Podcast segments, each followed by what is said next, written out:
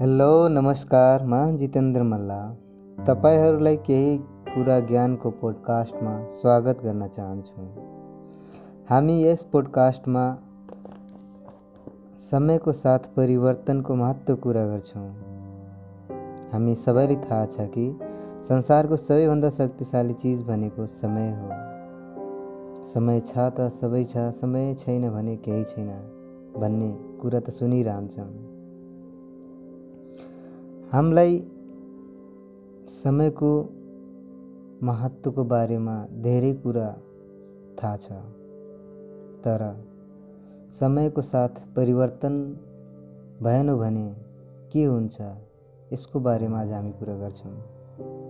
एउटा विश्व चर्चित अनुसन्धानकर्ताले एउटा आफ्नो कृतिमा सर्भाइभल अफ द फिटेस्ट नामक प्रिन्सिपल दिएका छन्।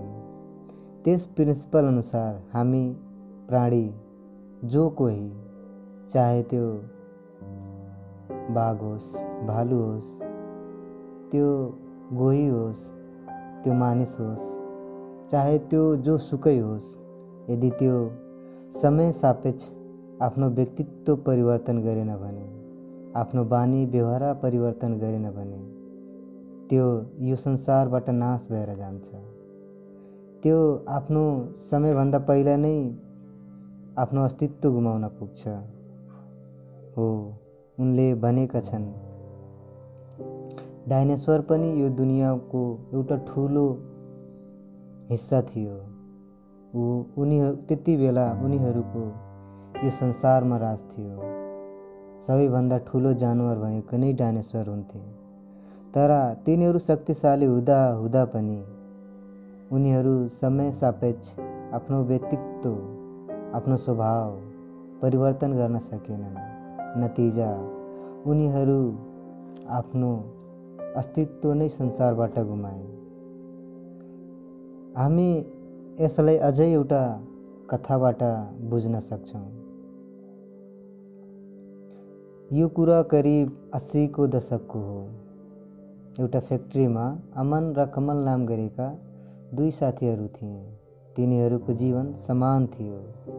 उनीहरू जहिले पनि मेसिनको बारेमा कुरा गरिरहन्थे तर मेसिनको बारेमा सुन्दा अमललाई खासै केही फरक परेन। तर कमल चाहिँ सधैँ चकित हुन्थ्यो। मेसिन पनि हाम्रो जीवनको हिस्सा हुन्छ जस्तो मानिरहन्थ्यो तर कमललाई लागिरहेको तर अमन यस्तो केही सोचेन। उसले भन्थ्यो कि बिना हामी मेसिन केही गर्न सक्दैन। हामी छौ त मसिन छ। तर यो कुरा थाहा हुँदा हुँदा पनि ऊ मेसिनको बारेमा केही जान्न खोजेन। तर यो कुरा कमल राम्रै बुझ्दै गयो हामी छौ त मसिन छौँ तर मेसिन भयो भने हामी नहुन पनि सक्छौँ। हो यो त्यसैले ऊ मेसिनको बारेमा धेरै जान्न कोसिस गर्यो। समय बित्दै गयो ऊ मेसिनको बारेमा अनुसन्धान गर्दै गयो। ऊ आफ्नो समय निकालेर मेसिन सिक्न जान्थ्यो। ऊ आफ्नो समय निकाल्नको साथमा आफ्नो केही सेलेरी पनि मेसिन सिक्नमा खर्च गर्थ्यो।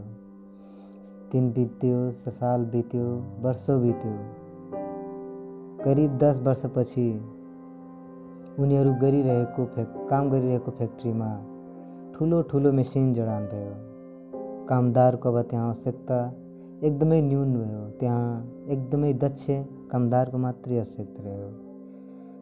त्यस फ्याक्ट्रीको मालिकले भने जो कोही मेसिन चलाउन जानेछ त्यसलाई मात्रै हामी यहाँ राख्ने। अरू सबैलाई हामी अब निकाल्नेछौँ। यो सुनेपछि अमनलाई ठुलो झट्का लाग्यो। कमल चाहिँ सामान्य थियो किनभने ऊ मेसिन चलाउन वर्षौँदेखि सिकिरहेको थियो र ऊ दक्ष भइसकेको थियो। अब यसो सुन्दा अमन दुःखी भयो। दुःखी भए पनि के गर्थ्यो र बिचरा? ऊ आफ्नो बेलैमा दिमाग लगाएन। ऊ आफूले परिवर्तन गरेन। नतिजा। अमनलाई जागिरबाट निकालियो र कमललाई झन् एक स्टेप माथि मेसिन अपरेटरमा जागिर दियो। अमन अब दिन प्रतिदिन धनी हुन थाल्यो। सरी अमन होइन कमल दिन प्रतिदिन धनी हुन थाल्यो तर अमन अब दिन प्रतिदिन आफू गरिब हुन थाल्यो किनभने उसँग कुनै जागिर थिएन। ऊ बिचरा आफ्नो सेभिङबाट राखेको पैसा खर्चिन्थ्यो दिन प्रतिदिन ऊ आफ्नो पैसा सकिँदै गएको थियो तर अमन दिन प्रतिदिन आफ्नो पैसा बढाउँदै गयो।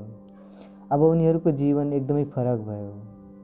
जहाँ एक समय दुइटै समान थिए दुइटैको जीवन समान थियो त्यहाँ अब अमन एकदम गरिब भयो।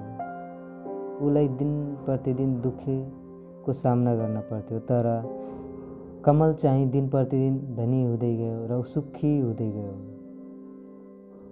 यदि समय सापेक्ष अमनले पनि कमल जस्तै मेसिन सिकेको भए ऊ आफूलाई समय सापेक्ष परिवर्तन गरेको भए सायद ऊ पनि आज मेसिन अपरेटर हुन्थ्यो र उसलाई यो दुःख देख्न पर्दैन थियो तर उसले गरेन। हामी यस स्टोरीबाट के बुझ्छौँ? यो स्टोरीले हामीलाई एउटा ठुलो ज्ञान दिएको छ।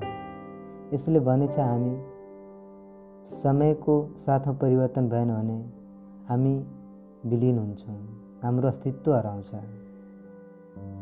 समयको साथ संसार झन् एडभान्स हुँदै गएको छ।